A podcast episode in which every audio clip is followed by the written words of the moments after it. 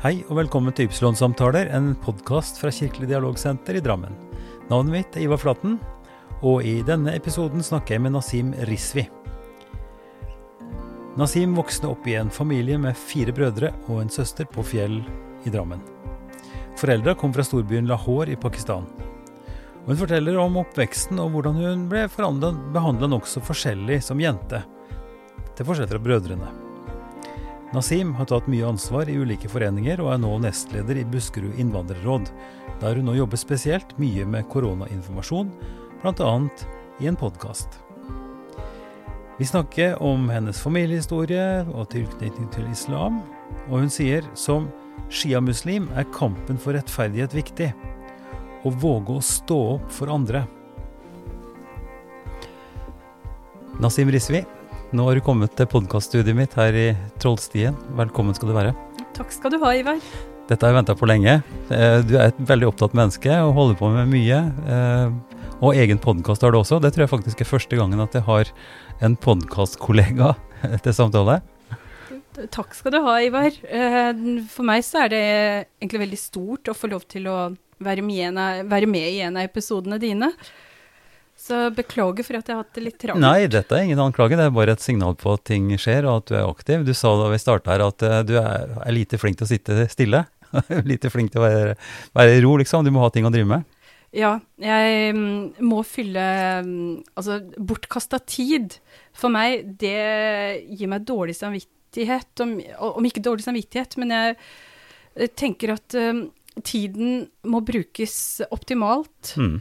Og vi må gjøre det beste ut av det, for det er bare nå vi er. Ja. det høres ut som du har sånn nokså tilsvarende oppdragelse som meg sjøl.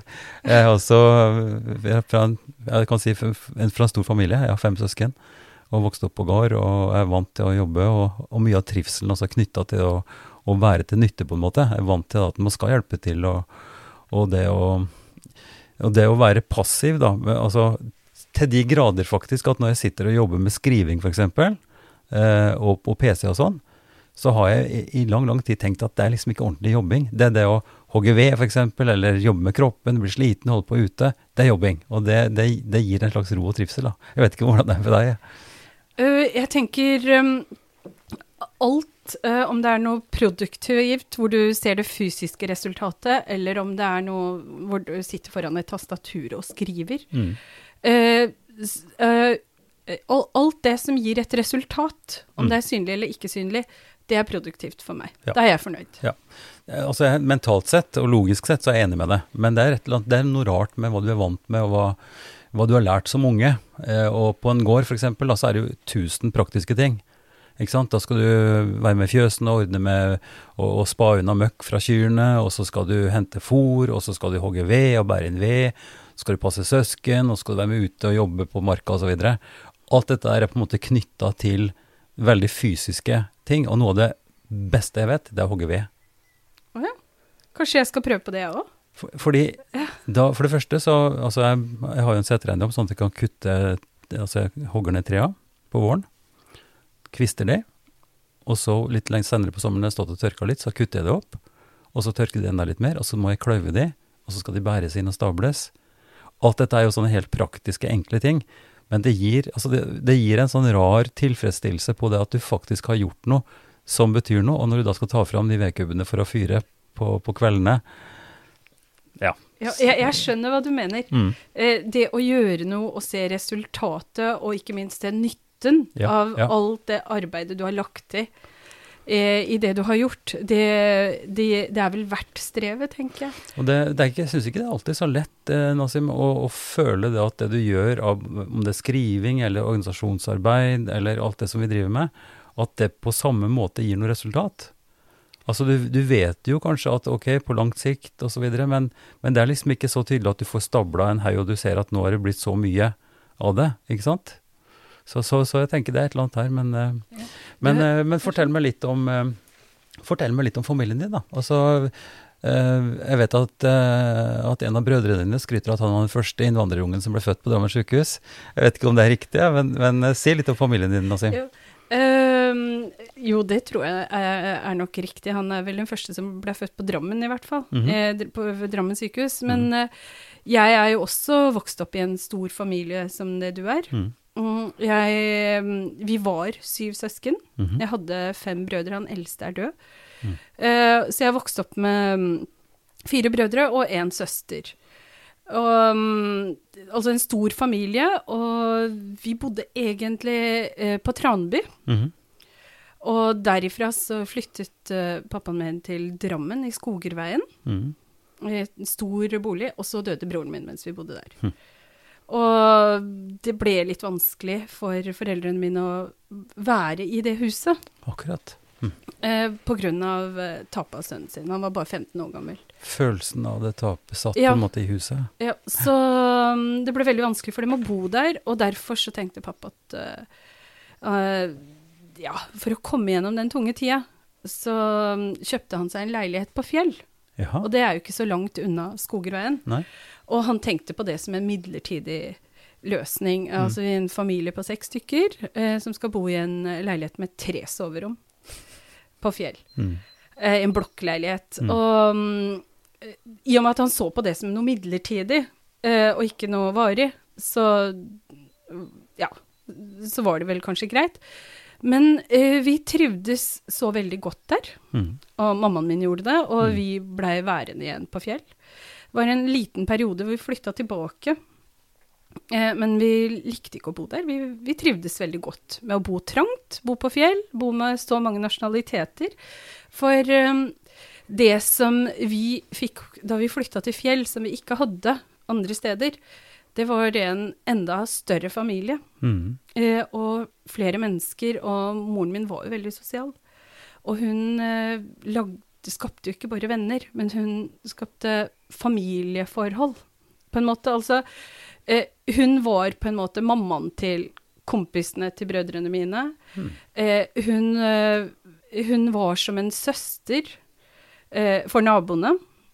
Eh, og hun eh, var en ganske tøff dame. Eh, hun hadde bein i nesa. Mm. Hun satte folk på plass. Mm.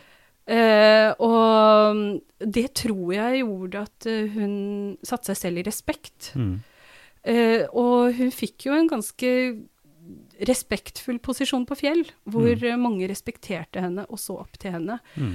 Og hun eh, Ja, så, så hun trivdes veldig godt på Fjell. Døra eh, inn til leiligheten vår i Lauritz Herregsvei 37 C, syvende etasje, jeg husker det er eh, gode minner, mange gode, gode minner derfra.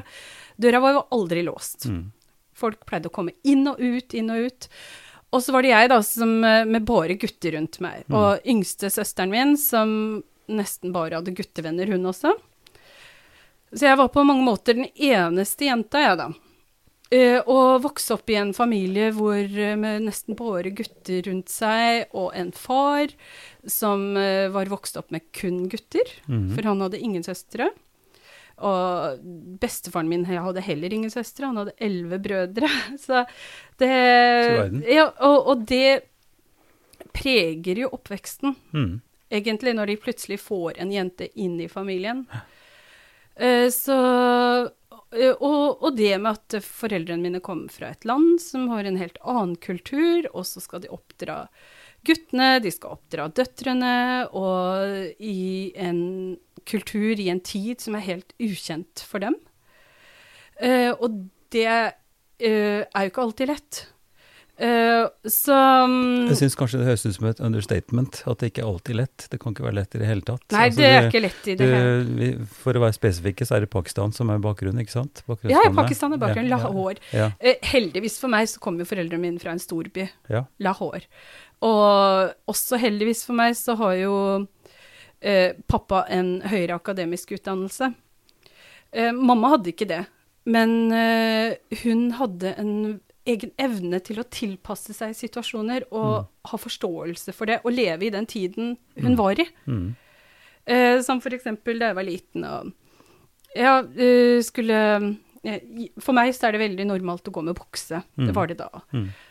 Og så fikk jeg noen sånne spørsmål. der. Hvorfor går du med bukse liksom av andre eh, mm, pakistanere? Mm. Og da, da sa mamma til meg at er det noen som sier det til deg igjen, så skal du si 'snakk med meg'. Mm. Og, og det ga meg jo en sånn trygghet at Mm. eh, OK, Mm. Jeg, jeg kan gjøre akkurat som jeg vil, Ja. for jeg har foreldrene mine, jeg har mammaen min i ryggen. Mm.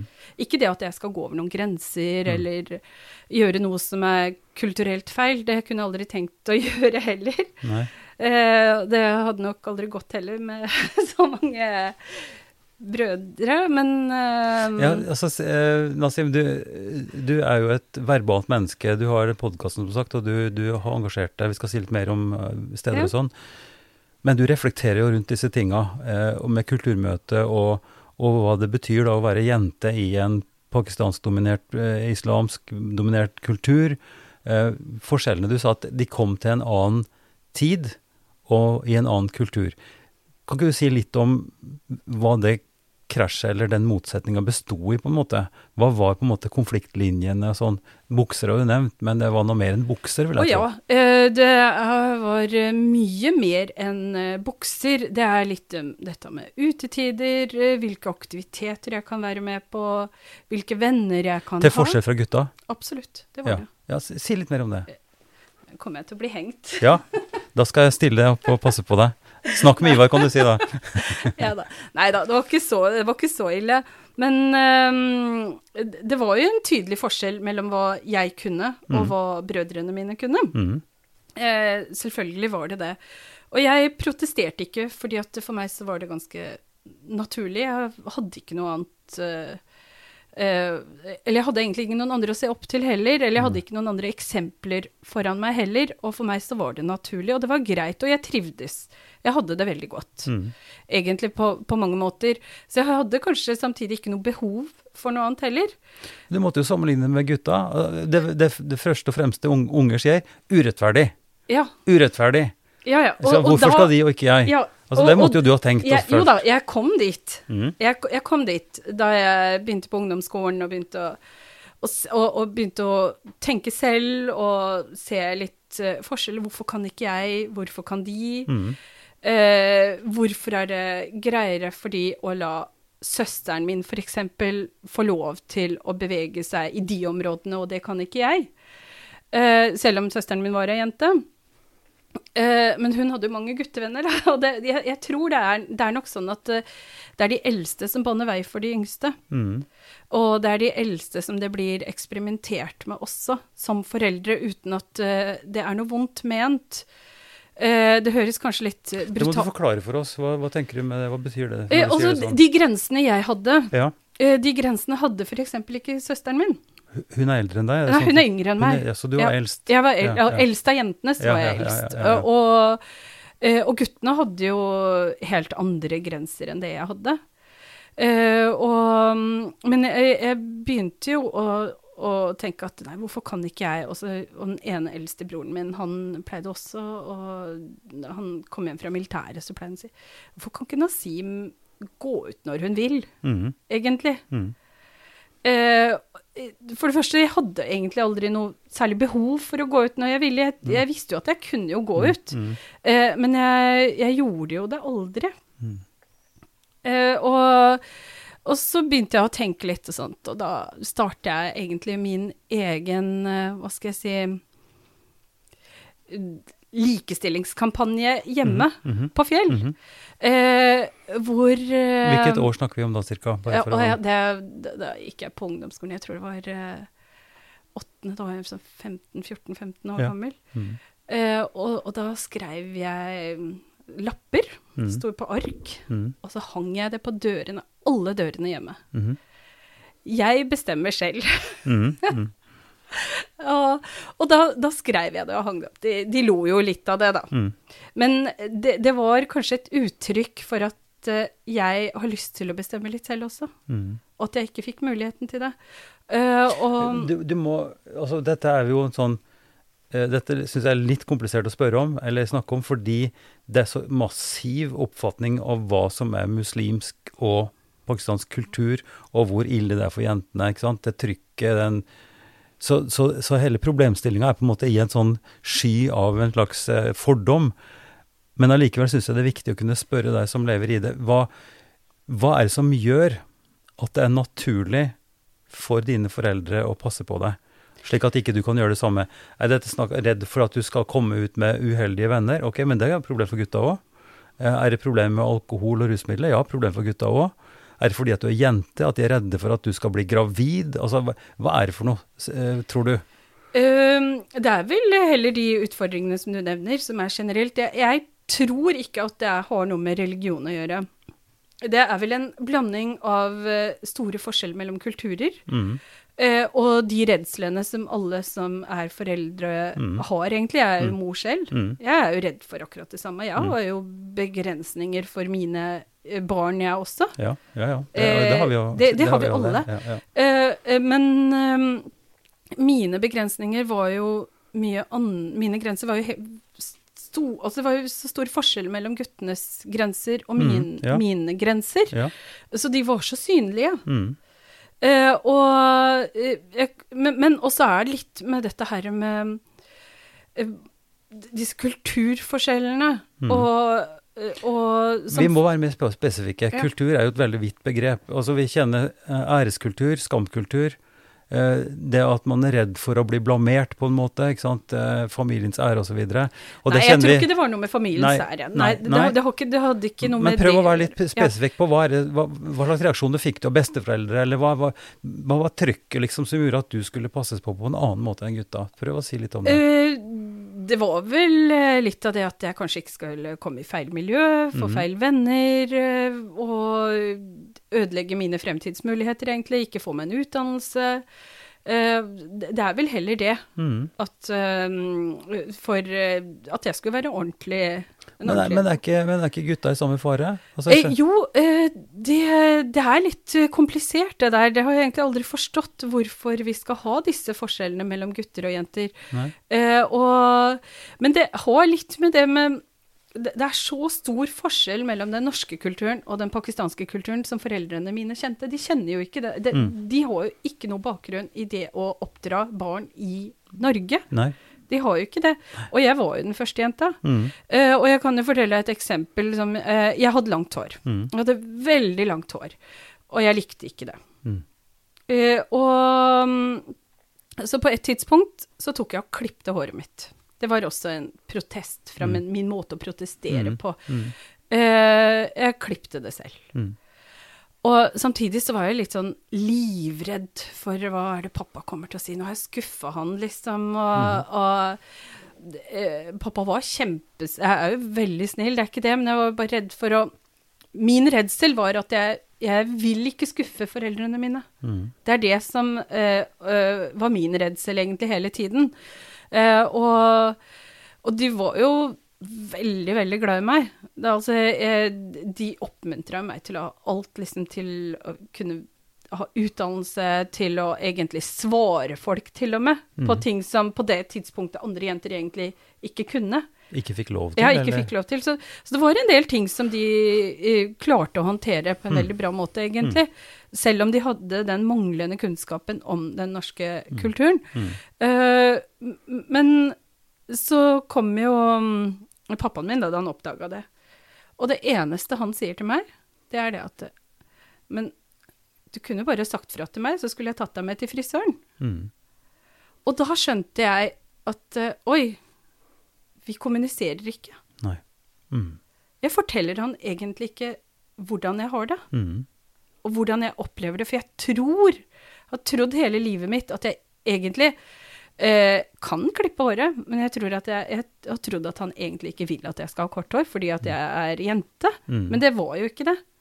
Og, og så sa han at, eh, fortalte at han var jo veldig glad i at jeg hadde langt hår, og han syntes håret var fint, og så videre. Og, og, og så fortalte, hadde vi en ganske lang samtale, og han der, ja, han er vokst opp uten søster, og han har hele livet sitt, så han savna en søster, og, og han ønsket seg en datter, så fikk han bare sønner. Mm. Og så når han til slutt fikk meg, Mm. så skulle jeg passes veldig godt på.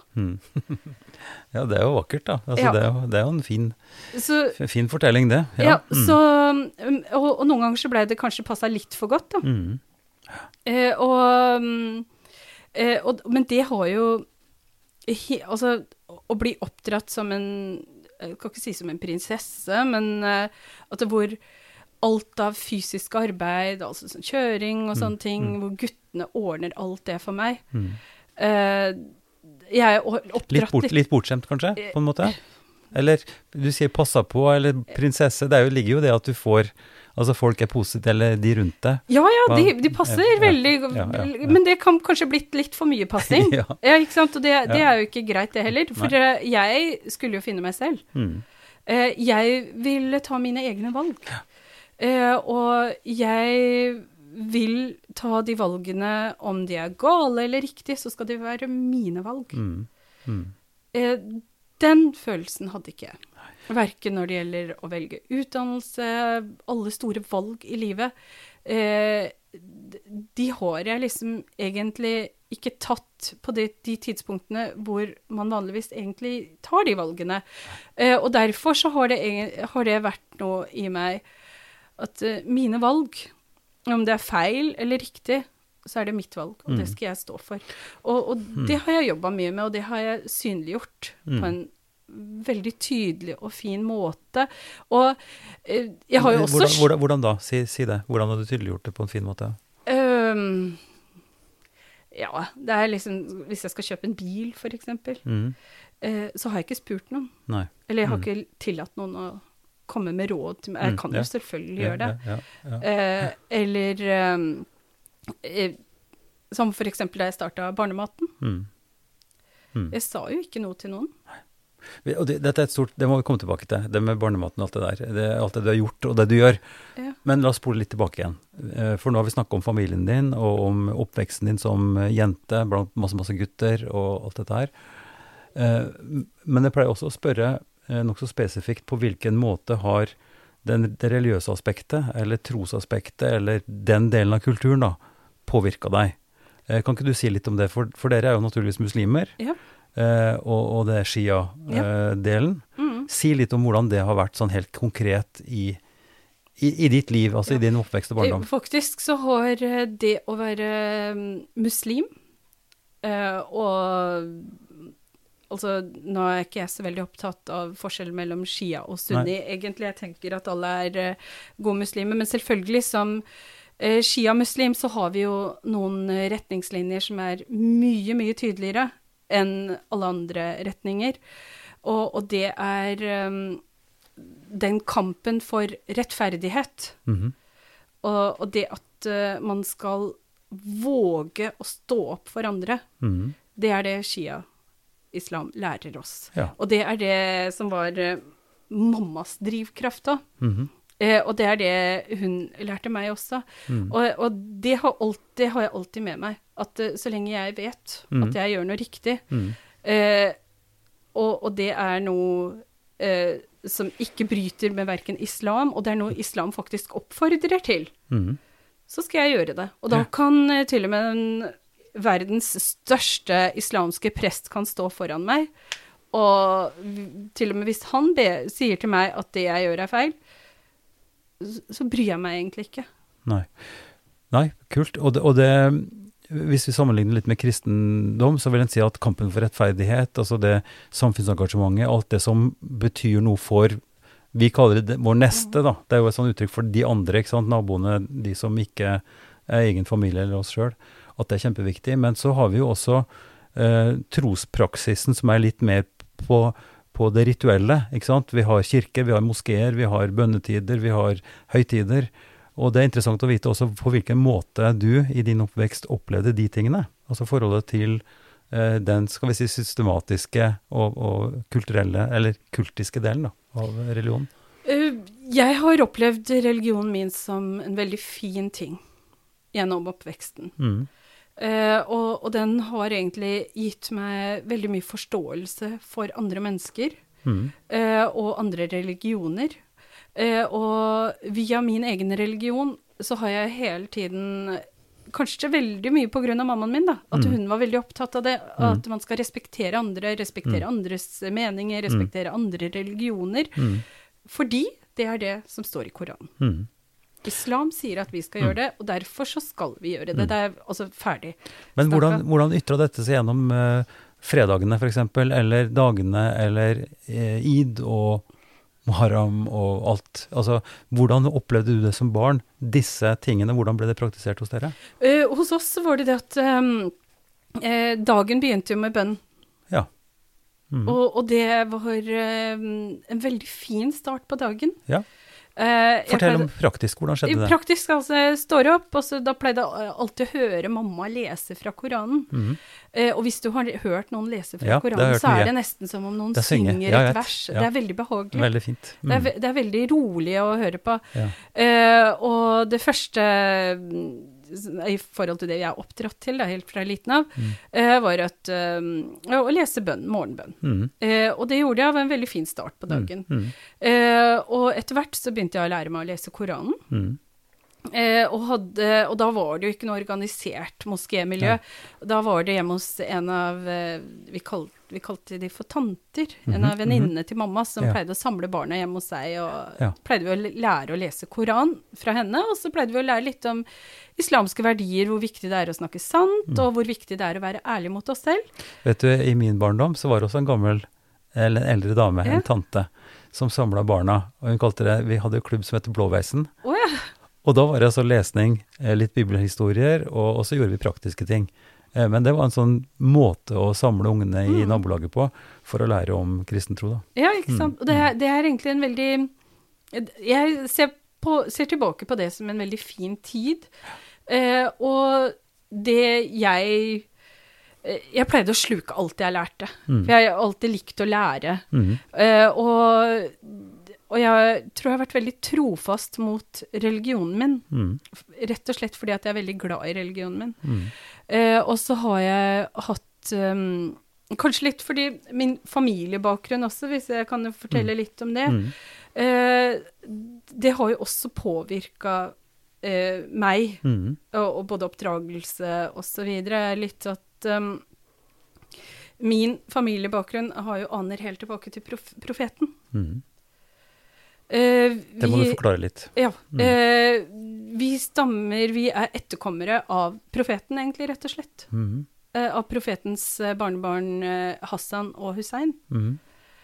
Eh, og vi har et stamtre som faktisk frem til i, et, Vår generasjon har slutta å notere på den, og, Mm. og sånt, men faktisk frem til pappas generasjon eh, så blei det notert på hvert eneste barn som blei født. Eh, og, mm, og, og de som uh, våre familiemedlemmer gifter seg, skulle også ha ha- har alltid hatt samme familiebakgrunn, at de Ja. har vært etterkommere av profeten. Så i nesten 1400 år så har vi ikke gifta oss utenom Nei. de som ikke er Altså, vi er egentlig all, hva, hva skal jeg kalle det? Hun- 100 eh, av våre aner er direkte fra profeten. Vi har ikke Ja. hatt noe innblanding fra andre familier, egentlig.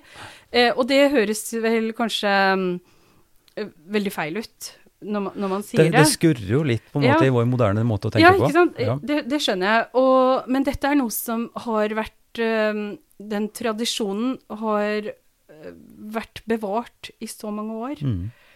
Eh, og, og det gjør jo at de som har det, de er jo veldig Viser jo litt stolthet over Ja. det. Og, og de blir jo veldig respektert mm. av andre muslimer om, av, på grunn av familiebakgrunnen sin òg, da. Og da snakker vi også om navn, ikke sant? Ja. Eh, hvordan disse navnene viser, for de som vet det, Mm. disse tilhørighetene. Ja. Eh, For eh, vi får jo Alle som tilhører de familiene, guttene, de heter Syed. Mhm. Jentene kalles for Syeda. Det blir en A. Mhm. Eh, pappa droppa de, de titlene, da, på en måte, da han kom til Norge, for han syntes navnene ble så lange. Mhm. Så han har bare brukt fornavn og etternavn. Mhm. Og, og de som vet, de vet. Mhm. Eh, og mm, det har jo ikke noen funksjon. Til syvende og sist så er det jo våre handlinger og hvordan vi er som mennesker som er det avgjørende. Det skjønner jeg, og det er jo det riktige å si, så klart. Ja. ikke sant? Men, men det er jo også bemerkelsesverdig og viktig å vite om disse tradisjonene. Så hvis du skulle si ditt navn som det vil framstå da i den tradisjonen, hvordan ville det være? Da vil det være Altså det uttales på en annen måte Ja. på pakistansk. Da, Ja. da ville det vært Sayeda Nasim Rizvi. Ja, så da bruker du Seida Nas først. Ja, Sayeda først. Det Ja. kommer alltid først. Ja. Eh, og så er det noen som også bruker det som shah. Mhm. Fordi at det, det- er en, også en måte å si at de er syet på. Men Shah, er jo òg eh, en tittel på, på konge Ja, eller hersker. For, dette er, for denne familien, den uh, blir ansett som en sånn åndelig kong... Altså, Ja, ja, på den måten. åndelig lederskap. Sånn ånd, Ja, ja. åndelig verdi. Hvis, Men uh, altså, dette er høyinteressant, og jeg, jeg er jo nerd på dette. Jeg syns jo dette er kjempeinteressant, og jeg, synes, jeg tror kanskje også det er en mangel på kunnskap hos mange på Mm. hvordan disse tingene henger sammen. Eh, fordi eh, eh, islam eh, er jo en egalitær religion, ikke sant. Det er likeverd. Du snakker om det, ikke sant. Alle er like Mm. mye verdt, rettferdighet osv. Eh, og det kan være litt vanskelig å skjønne eh, hvordan dette henger sammen med denne både familiestoltheten og den skal vi si, renheten som består i at man gifter seg ikke utafor disse. Og det kan til forveksling ligne litt på, på eh, ikke klansystemet, men på kastesystemet, Mhm. som er en del av den indiske tradisjonen. Og, og dette er jo store kulturstrømmer. Og det er veldig vanskelig noen ganger å skille på det rent skal vi si, religiøse eh, systemet i forhold til de lange, tunge tradisjonene. Ikke tunge som tung, men altså dype tradisjonene.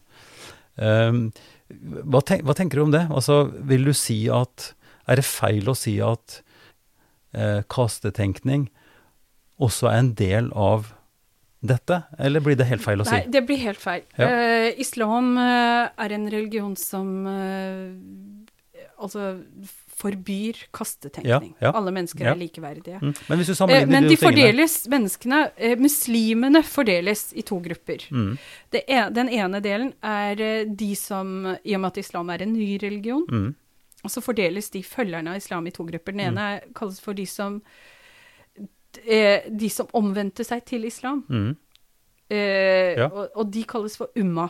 ja, mm. Eh, det er profetens umma. De Ja. har omvendt seg fra islam. De som har kommet til. Til islam, ja. mm, Eh, og, alle, hele den gruppen kalles for umma. mm, Eh, og de som har fått islam eh, Altså de som ikke har omvendt seg, men har fått det via blodet, da. De som er født inn i det. Ja, de som er født inn i det, Mm. de er Sayyid, de er Mhm. Shah. Mhm, Det, det er det. ja. Bortsett fra det, eh, så er det ingen ekstra fordeler verken for syd eller Umma. Altså alle mennesker skal bli målt likt. Det er Mm. ikke det at noen er bedre eller dårligere enn andre. Nei. Det er bare for å fordele, for å få en klarhet i Mm, Altså litt sånn eh, Ja, det, det, men, eh, men selve kastesystemet, at folk skal bli rangert mm. etter hvilken familiebakgrunn man har, det er strengt forbudt. Det er noe Mm. islam forbyr. Men, men er det ikke sånn, Na- Nasim, ut ifra min begrensa kunnskap, så, så er det også en sterk bevissthet om familietilknytning. Mm. Eh, slik at det kan være ganske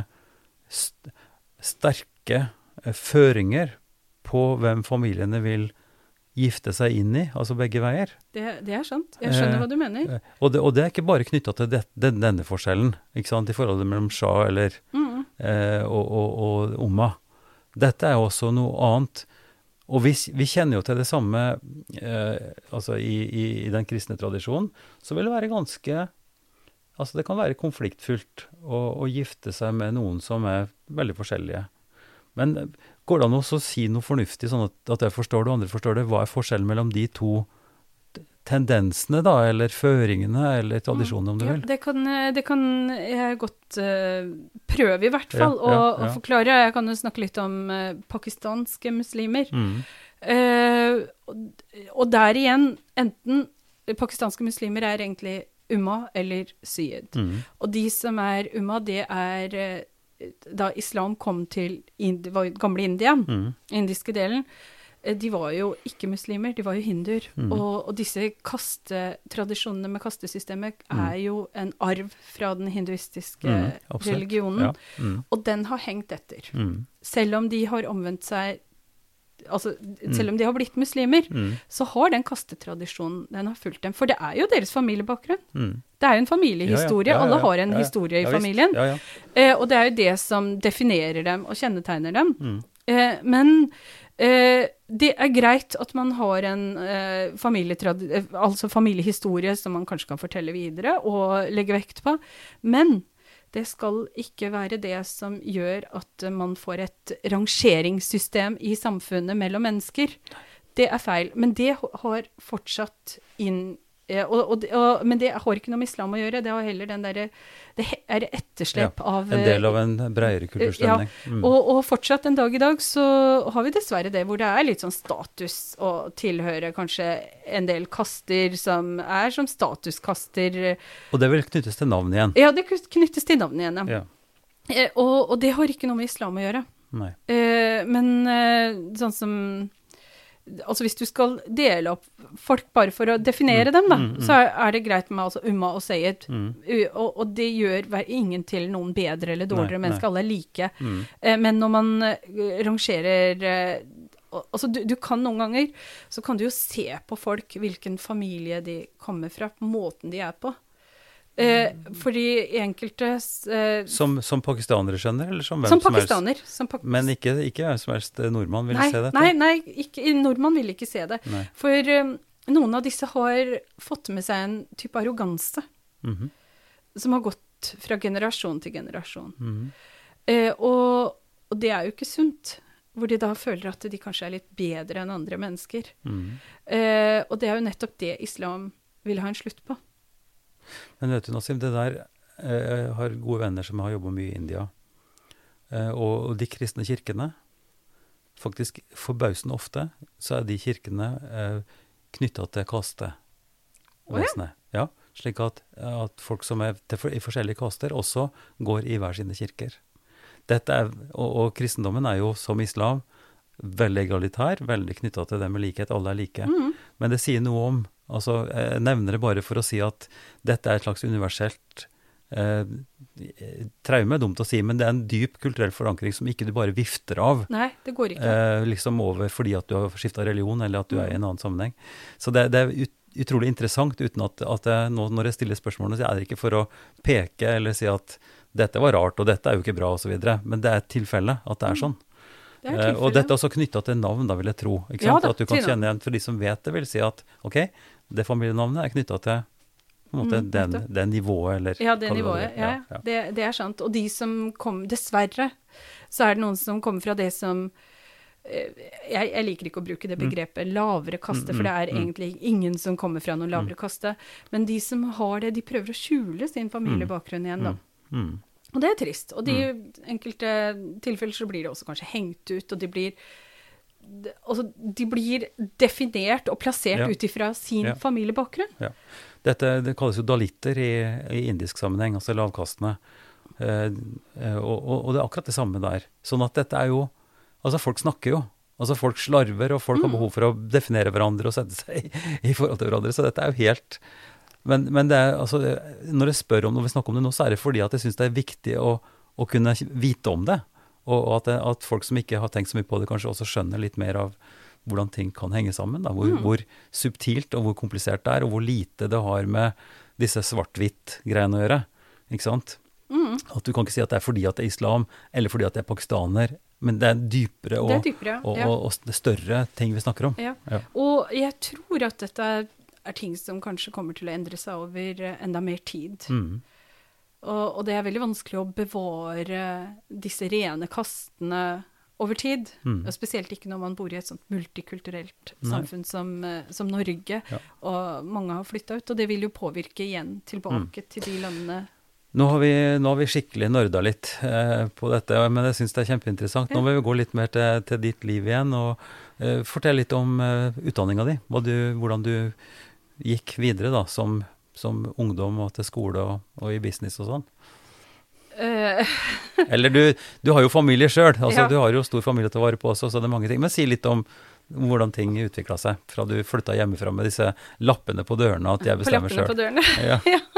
Nei, jeg husker fortsatt uh, første gangen um, jeg skulle ta toget inn til Oslo, Mm. helt alene. Hadde, det høres kanskje dumt ut, men jeg hadde aldri gjort det.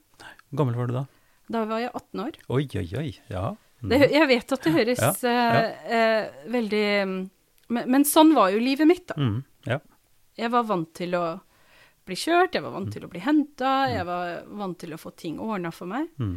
Eh, og, men det kommer jo til et punkt, alle har jo sine liv igjen, da. Mm. Eh, og, og da var jeg egentlig Da satt jeg på toget, og jeg var veldig nervøs. Jeg Bare følte ut Oi, jeg nesten blitt kasta ut i den store verden. Mm. eh, uten å Altså Og, det, det var en um, overgang for meg, og jeg dro rett til dit til forelesningen, Mhm. dro rett hjem igjen. Hadde Altså jeg turte ikke å gå verken til høyre eller venstre, for å si det på den måten. Mm.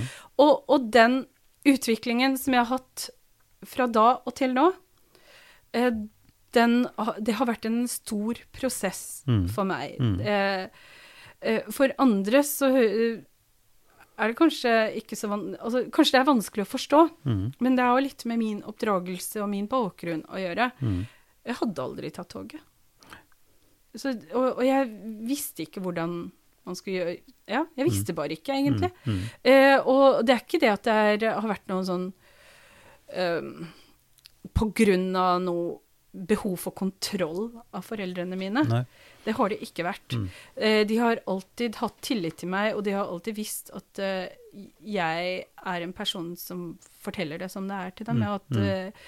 eh, men det er, jeg vet ikke, det kan være mange ting. Det, er behovet for å beskytte datteren Mm, mm, sin, og at de ikke har erfaring med å ha døtre i familien. Jeg vet Men du ikke. turte, du kom til forelesning og tilbake? Jeg kom til forelesning og tilbake og sånt, og, og valgte den utdanningen eh, som var forventa av meg.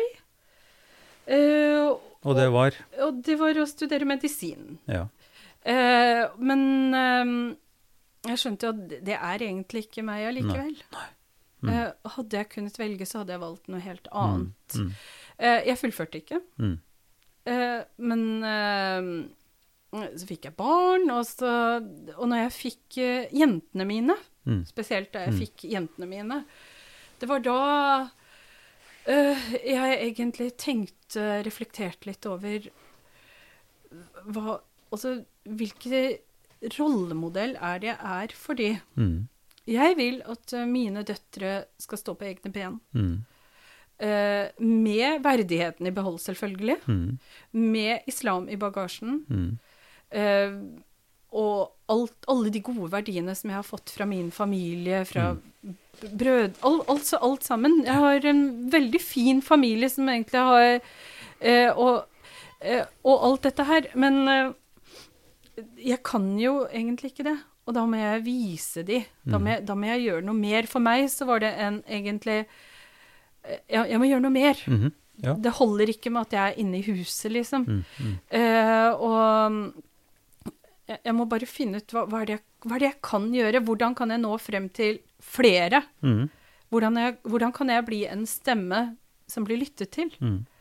Hvordan kan jeg være den som folk kanskje kan se Altså bruke som rollemodell, for Mhm. eksempel. For eh, jeg har jo egentlig alltid vært litt sånn rebelsk, kall, det, mm. kall det det. det. Det har ligget i meg Mm. hele tiden, og det har kanskje det, Mye på grunn av mammaen min, egentlig også. Mm. Eh, og mm, litt sånn som da jeg var, gikk på videregående eh, og var 18 år og kunne stemme for første gangen. Mm. Og da eh, var det den rebellen i meg, da, som stemte på Fremskrittspartiet. Mhm. Det var det forståelsen jeg hadde på det tidspunktet, egentlig. Mm. Eh, og, og da tenkte jeg at ja, Fremskrittspartiet, det de sier er at de vil ikke ha innvandring. Mm. Eh, og, og det er egentlig greit. For hadde ikke foreldrene mine kommet hit, så hadde ikke jeg hatt de dilemmaene jeg har. Aha. Da hadde de vært i landet sitt, og da hadde jeg egentlig Så Hadde du- jeg levd som de som bor der, og da hadde jeg ikke Ja. hatt de utfordringene. Ja, Eh, så de kan egentlig bare holde seg Det, Ja. det, det var Altså. Det, men eh, eh, det, var, det var sånn jeg tenkte, og da, da stemte jeg faktisk. De, så min første stemme var det Fremskrittspartiet som fikk. Har du fortalt Jon dette? Eh, nei. ja. eh, og, og, og litt sånn underveis også, så har jeg hele tiden vært den som har gjort litt sånne småting. Eh, litt med utdannelse og, og litt med det at jeg står for det jeg mener. Mm. Med verdighet. Mm. Eh, vil jeg gå med pakistanske klær, så gjør jeg det.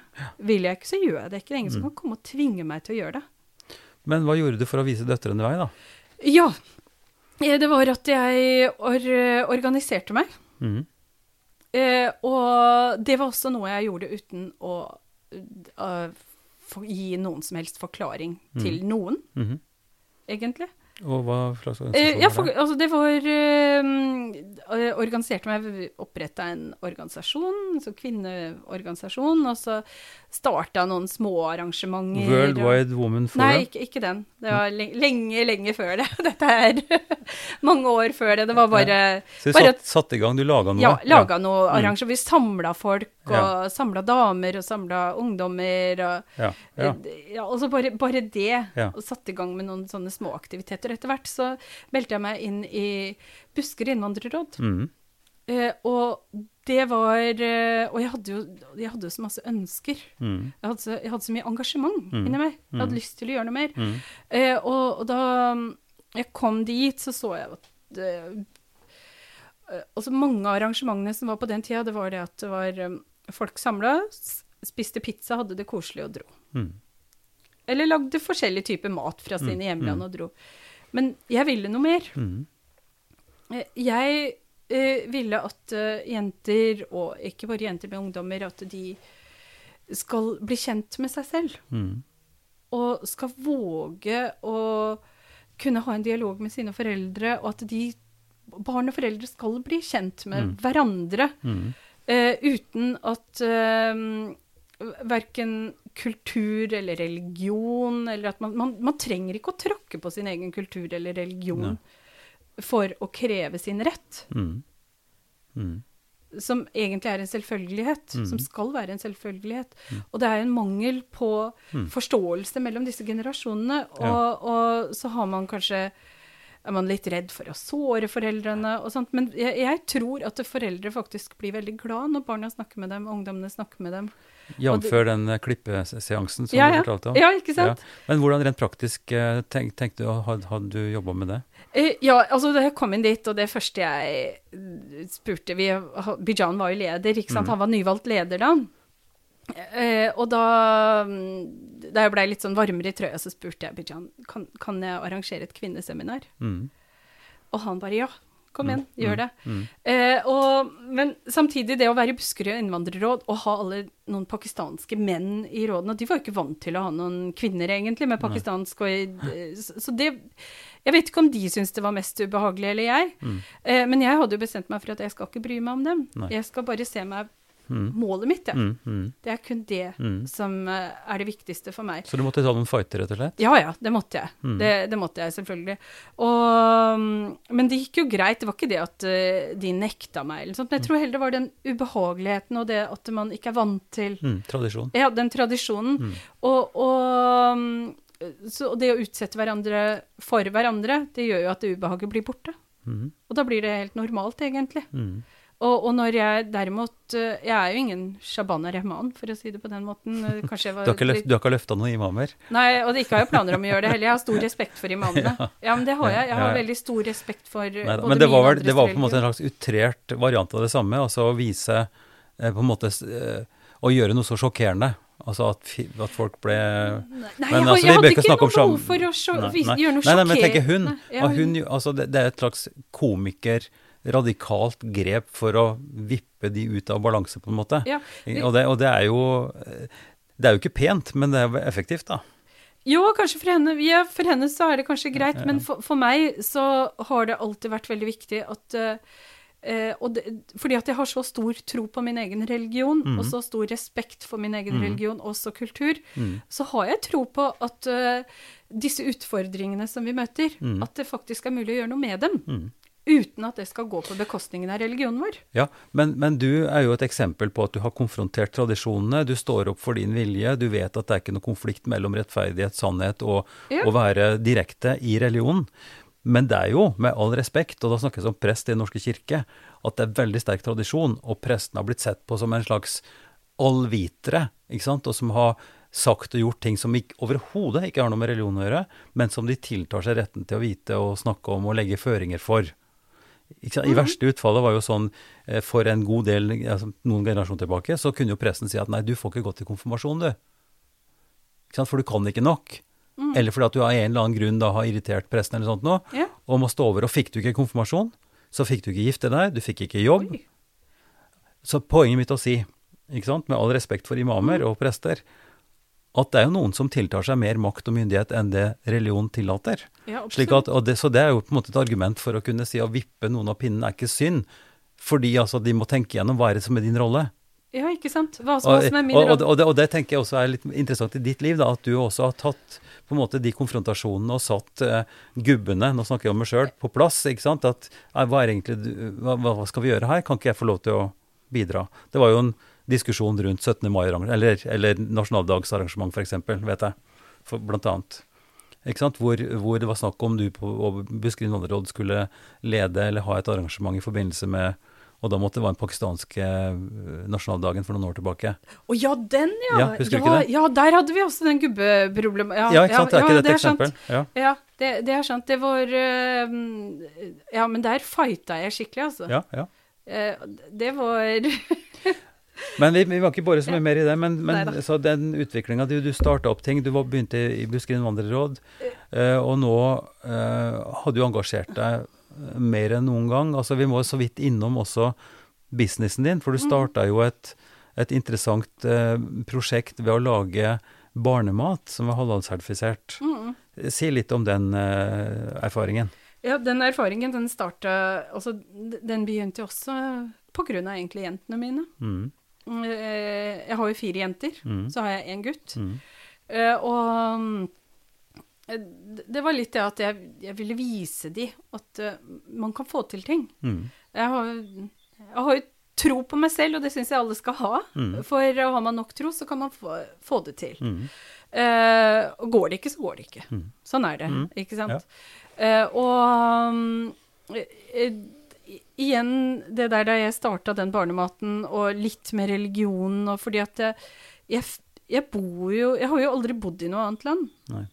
Jeg har ikke noe erfaring Altså, dette er landet mitt. mm, Jeg har røtter fra Pakistan, selvfølgelig, men landet mitt er Norge. mm, Det er her jeg er hjemme. mm, Uh, og og da, da jeg egentlig eh, Nå har det jo blitt mye bedre, men på det tidspunktet eh, fikk barn og skulle kjøpe barnemat. og Hadde egentlig aldri tenkt på det. Finner ikke noe halal-produkter i hyllene. mm. Så tenkte jeg herregud, er muslimer en usynlig gruppe Mm. i Norge, egentlig? mm. Eh, hvorfor har vi ikke det? Og da jeg begynte å sjekke litt rundt, og ingen som hadde planer om å lage det, osv., så, videre, så tenkte jeg nei, da, da gjør jeg det selv. Det er egentlig en helt vill, eh, vill idé og vill målsetning. Mm, Eh, men av viljen min mm, og troen min, mm, det er, det er de to tingene, Mm. er jeg ganske overbevist om at så, så klarte jeg det. mm, Men samtidig så var jeg også, på et tidspunkt var jeg også på et sted i mitt eget liv eh, hvor jeg var veldig bevisst på hvem jeg skal involvere i Mm. disse planene, Mm. og hvem jeg skal dele disse planene med. Og da var det kun med de som trodde på meg, ingen andre. Kun de som gir meg en klapp på skulderen. Mm. Ikke de som Nei, er du gal, eller dette går ikke, hva Mm. skjer med Du har jo mann, du har hus, du har hjem, du har barn, liksom, tenk på det òg. mm, Eh, og den samme som kvinner ofte kan møte. Eh, sånne mennesker eh, fortalte jeg ingenting om. Jeg sa jo opp jobben min også for å kunne gjøre dette. Men jeg, hadde jo mannen min. mm, Han har jo hele tiden vært styrken min, egentlig, som har støtta meg alltid. mm. Eh, og han er jo født og oppvokst i Pakistan. Hmm. Eh, han er ikke et resultat av å vokse opp i Norge. Eh, men han, hans verdier og hans tankegang, det er et resultat av shia-islam. Mm, Og, og de rettighetene islam gir både kvinner, og de rettighetene islam gir mennesket mm, til å tenke selv og velge ja. selv og stå for det man skal. Eh, og, og, og, og dette ga meg en, en, en styrke, egentlig. Så du satte i gang? Ja, jeg satte i gang, og jeg husker Gi folk- de store overskriftene her nå, for vi har ikke så veldig mye tid igjen. Ja. Si litt om hvordan det gikk. Ja, jeg, jeg satte i gang, og jeg, jeg kom eh, Ja, jeg møtte opp på um, Norgesgruppen, da. Mm. Gikk, eh, gikk dit og fikk eh, på plass et møte med dem. Jeg hadde ikke noen produkter, hadde ingenting. Hadde bare noen dummies. Mm. Eh, som jeg hadde teipa på noen Mm, mm. logo og litt sånn som jeg tenkte meg design skulle være. Og de bare De, syntes det var veldig spennende og sa 'kom tilbake når du har produktet, vi er med'. Mm. Og fikk med Innovasjon Norge, og Mm. fikk med investorer, og satte i gang produksjonen. Og var, var, alt, var, alt var greit. Mm. Eh, og fikk også listing i Tesco Asta i Storbritannia. Mm. Eh, her i Norge så måtte jeg trekke tilbake produktene, for det var litt for mye pesticider i den første batchen. Og det er jo læring i det òg. Mm. Mm. Eh, og sånt Rett og slett sp sprøytemidler? Ja. Sprøytemidler, ja. Det var litt for høyt der. Det var ikke noe farlig, men det var for høyt. Sånn er det. Og det er egentlig veldig bra, for vi har god Mm. kvalitet på den måten. Eller det som skal leveres. Det skal være god kvalitet Mm. på det. Eh, men det gjorde at jeg fikk litt tid til å gå inn i Storbritannia. Og, og jeg gjorde det stort, og det blei stort. Og, men før alt dette, før det blei lansert i Norge, så var det ingen, nesten ingen i familien min som visste noe om dette her. Eh, og mange av de leste jo om det i avisa. Mhm. Eh, og, og det hadde jo gitt meg veldig mye eh, rom for at ingen kunne forstyrre meg. Mm. At jeg trenger ikke å gi noen forklaringer til noen. Mm. Og sånn skal det egentlig være. Mm. Eh, og, og det har jeg fortsatt med. Jeg gjør som jeg vil, for jeg veit at eh, Mm. for meg er det riktig, og da skal det være riktig for andre. Men uh, the, the story goes on. Ja, the story goes on, ja. Og, og, og, så, alt dette her med Men, disse eh, vervene mine, hvis det er det Jo, du men nei, nå, nå tenker jeg på, på Nasims mat. Ja, ja. Eh, Det, det fungerer, det systemet. Hvordan, eh, hvordan går det nå? Eh, hvordan det går nå, eh, det er at jeg kom til et punkt hvor jeg var helt utslitt. Mm. Eh, det blei mye reising. Jeg Mm. har jo fem barn. Mm. Det er jo min første prioritet. Mm. Og jeg er veldig sånn Jeg må ha alt på Mm. plass, Mm. både hjemme og ute, og med barna og alt sammen. Eh, og over tid eh, så går det jo ikke. Man har jo et ansvar. ja, ja. Eh, og det viktigste ansvaret mitt var egentlig barna mine Mm. og meg Mm. selv, om at Mm. jeg, jeg, var, jeg var helt utslitt, egentlig. Eh, Pluss at eh, som gründer så møter man også en del utfordringer i Mm. dette forretningslivet. Det Mm. er jo en hel lang historie om, om de utfordringene, og da tok jeg meg en pause. Mm. Eh, og den pausen varer fortsatt. Mm. Og, og da tenkte jeg at nei, nå skal jeg tenke litt på meg selv. Mm. Eh, jeg vil ha litt andre typer rutiner i Mm. livet mitt. Nå vil jeg gjøre ting som gir meg den gleden. Jeg hadde Mm. lyst til å starte det, jeg klarte det, jeg fikk det til. Ja. Fak faktisk, faktisk fikk det til i stor skala, Mm. på, på et nivå som eh, gjorde at jeg fikk Det, det er jo helt strålende, men Ja. det betyr at vi får ikke tak i Nasims eh, barnemat i hyllene per nei, i dag? ikke per i dag. Nei. nei. Det gjør det ikke. Eh, ikke i Norge i hvert fall. Men eh, det er jo Jeg kommer nok til å gå tilbake til det, Ja. eh, men ikke ennå. Det er en imponerende historie, i Mm. hvert fall. Eh, så det, det er stor respekt for det du har fått til. Men vi har bare noen få minutter igjen. altså Den timen går helt uh, altfor fort.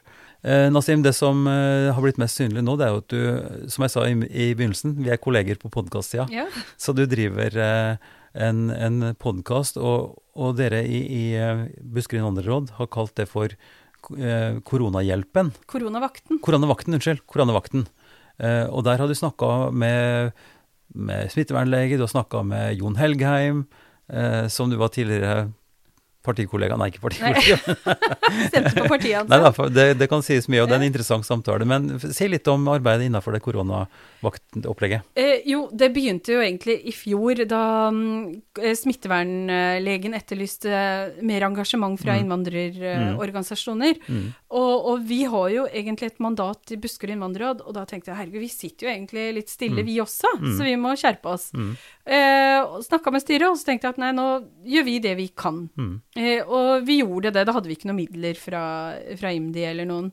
Men eh, vi satte i gang eh, med det arbeidet vi kunne gjøre, i hvert fall. Og satte i gang digitale møter, Mm. snakka med ressurspersoner osv.